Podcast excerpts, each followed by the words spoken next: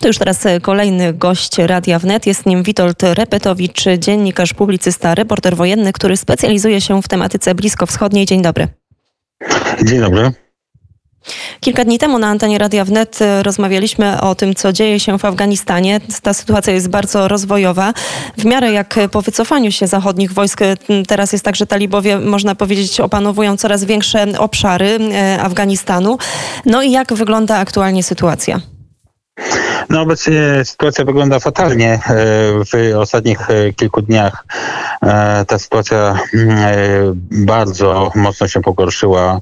W zasadzie w tej chwili, mm, w tej chwili zmienia się ona z godziny na godzinę. Wczoraj padło miasto Gazni, stolica prowincji, która była niedawno, znaczy, która była kiedyś kontrolowana przez wojska polskie. E, później, kilka godzin później e, padł Herat, e, niezwykle ważne, ważne miasto. W, w zresztą władze tej prowincji mm, wycofały się, uciekły z, z, z miasta po, po krótkim oporze, uciekły z miasta, dogadały się z talibami i oddały praktycznie miasto w ręce talibów. W później, kilka godzin później e, padł Herat, e, dzisiaj rano padł Kandahar. Także ta, no i, i, i kolejne prowincje, już w tej chwili 15 prowincji spośród 34 znajduje się, 15 stolic prowincji spośród 34 znajduje się już w rękach, w rękach talibów. Także ta sytuacja wygląda fatalnie i widać wyraźnie, że Stany Zjednoczone nie mają już żadnych złudzeń, mimo e, deklaracji, e, oficjalnych deklaracji. E, niemniej wysłały dodatkowe siły w, w nagłym trybie, żeby dokonać pełnej ewakuacji Amerykanów, obywateli amerykańskich i, i przenieść ambasadę amerykańską na, na lotnisko. Przypomnę, że wcześniej była mowa o tym, że 600 żołnierzy miała e, zostać w Kabulu i ochraniać e, ambasadę e, amerykańską. Także nie ma tutaj większej wątpliwości, że, że Amerykanie spodziewają się w najbliższym czasie szturmu Kabulu i nie mają wątpliwości, że władze afgańskie, rząd afgański upadnie. No to, to jest perspektywa Stanów Zjednoczonych, ale mamy też Unię Europejską i to nie jest tak, że te wydarzenia w Afganistanie nie odbiją się jakoś na mieszkańcach Europy. Wiemy, że perspektywa tak naprawdę rządów talibów wywoła nową falę masowej migracji. Już teraz wspominał Pan w naszej ostatniej rozmowie o dużej klęsce humanitarnej, o ogromnej ilości e, ludzi, którzy muszą się wyprowadzać ze swoich domów. No i pytanie, czy oni też nie będą chcieli szukać po prostu azylu w Europie i czy Unia Europejska jest w stanie jakoś temu przeciwdziałać? E, to znaczy jest to bardzo e, trudna kwestia, ponieważ e, rzeczywiście w ostatnich tygodniach już po 30 tysięcy Afgańczyków właśnie na tydzień uciekało ze swojego kraju. Można się spodziewać, że ta liczba jeszcze wzrośnie. W tej chwili w zasadzie można się spodziewać paniki w Afganistanie i, i tego, że co najmniej setki tysięcy osób e, będą chciały e, uciec z kraju przed e, terrorem talibów, bo to, że talibowie zaprowadzą fanatyczny religijny terror nie ulega najmniejszej wątpliwości. Pytanie jest, jaką politykę przyjmą wobec mniejszości szyickiej Hazarów, która według niektórych ocen stanowi wręcz 20% mieszkańców tego kraju.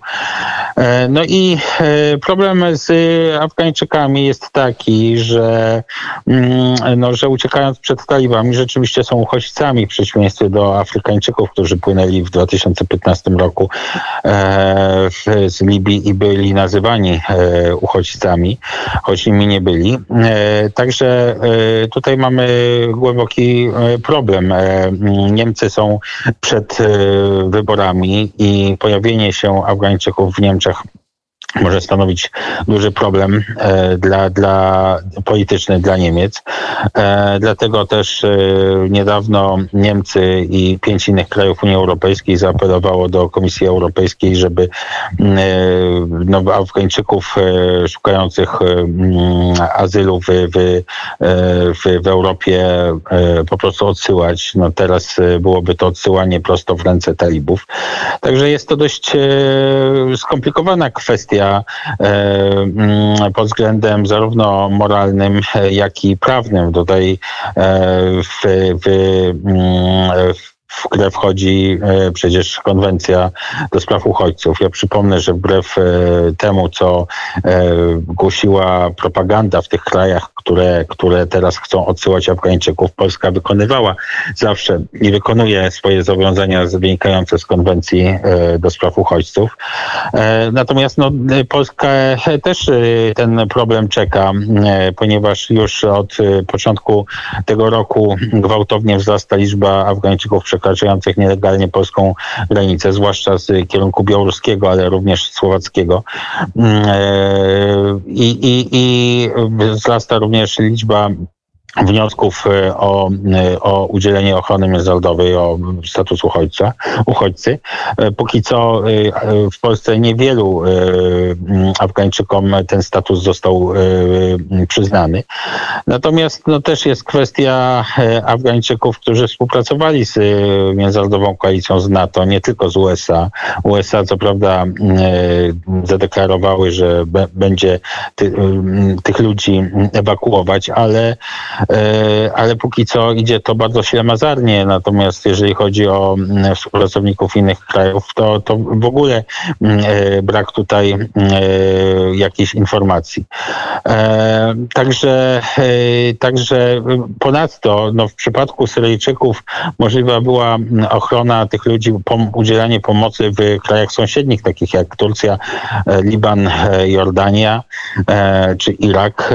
Natomiast w przypadku przypadku mm, Afganistanu jest to znacznie bardziej skomplikowane, bo e, z jednej strony mamy Pakistan, który wspiera talibów, e, więc nie jest takim e, najbardziej szczęśliwym kierunkiem do ucieczki.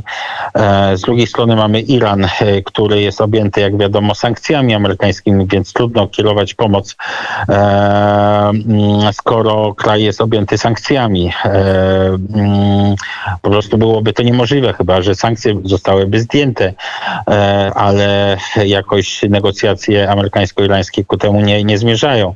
To właśnie też jest e, duży problem, że mm, nie doszło do porozumienia e, amerykańsko-irańskiego, bo gdyby, gdyby te JCPOA zostało utrzymane, ten, ten układ mm, w sprawie programu atomowego Iranu, to być może cała sytuacja z Afganistanem inaczej by mm, inaczej by przebiegła. Natomiast mamy e, taką sytuację, jaką mamy.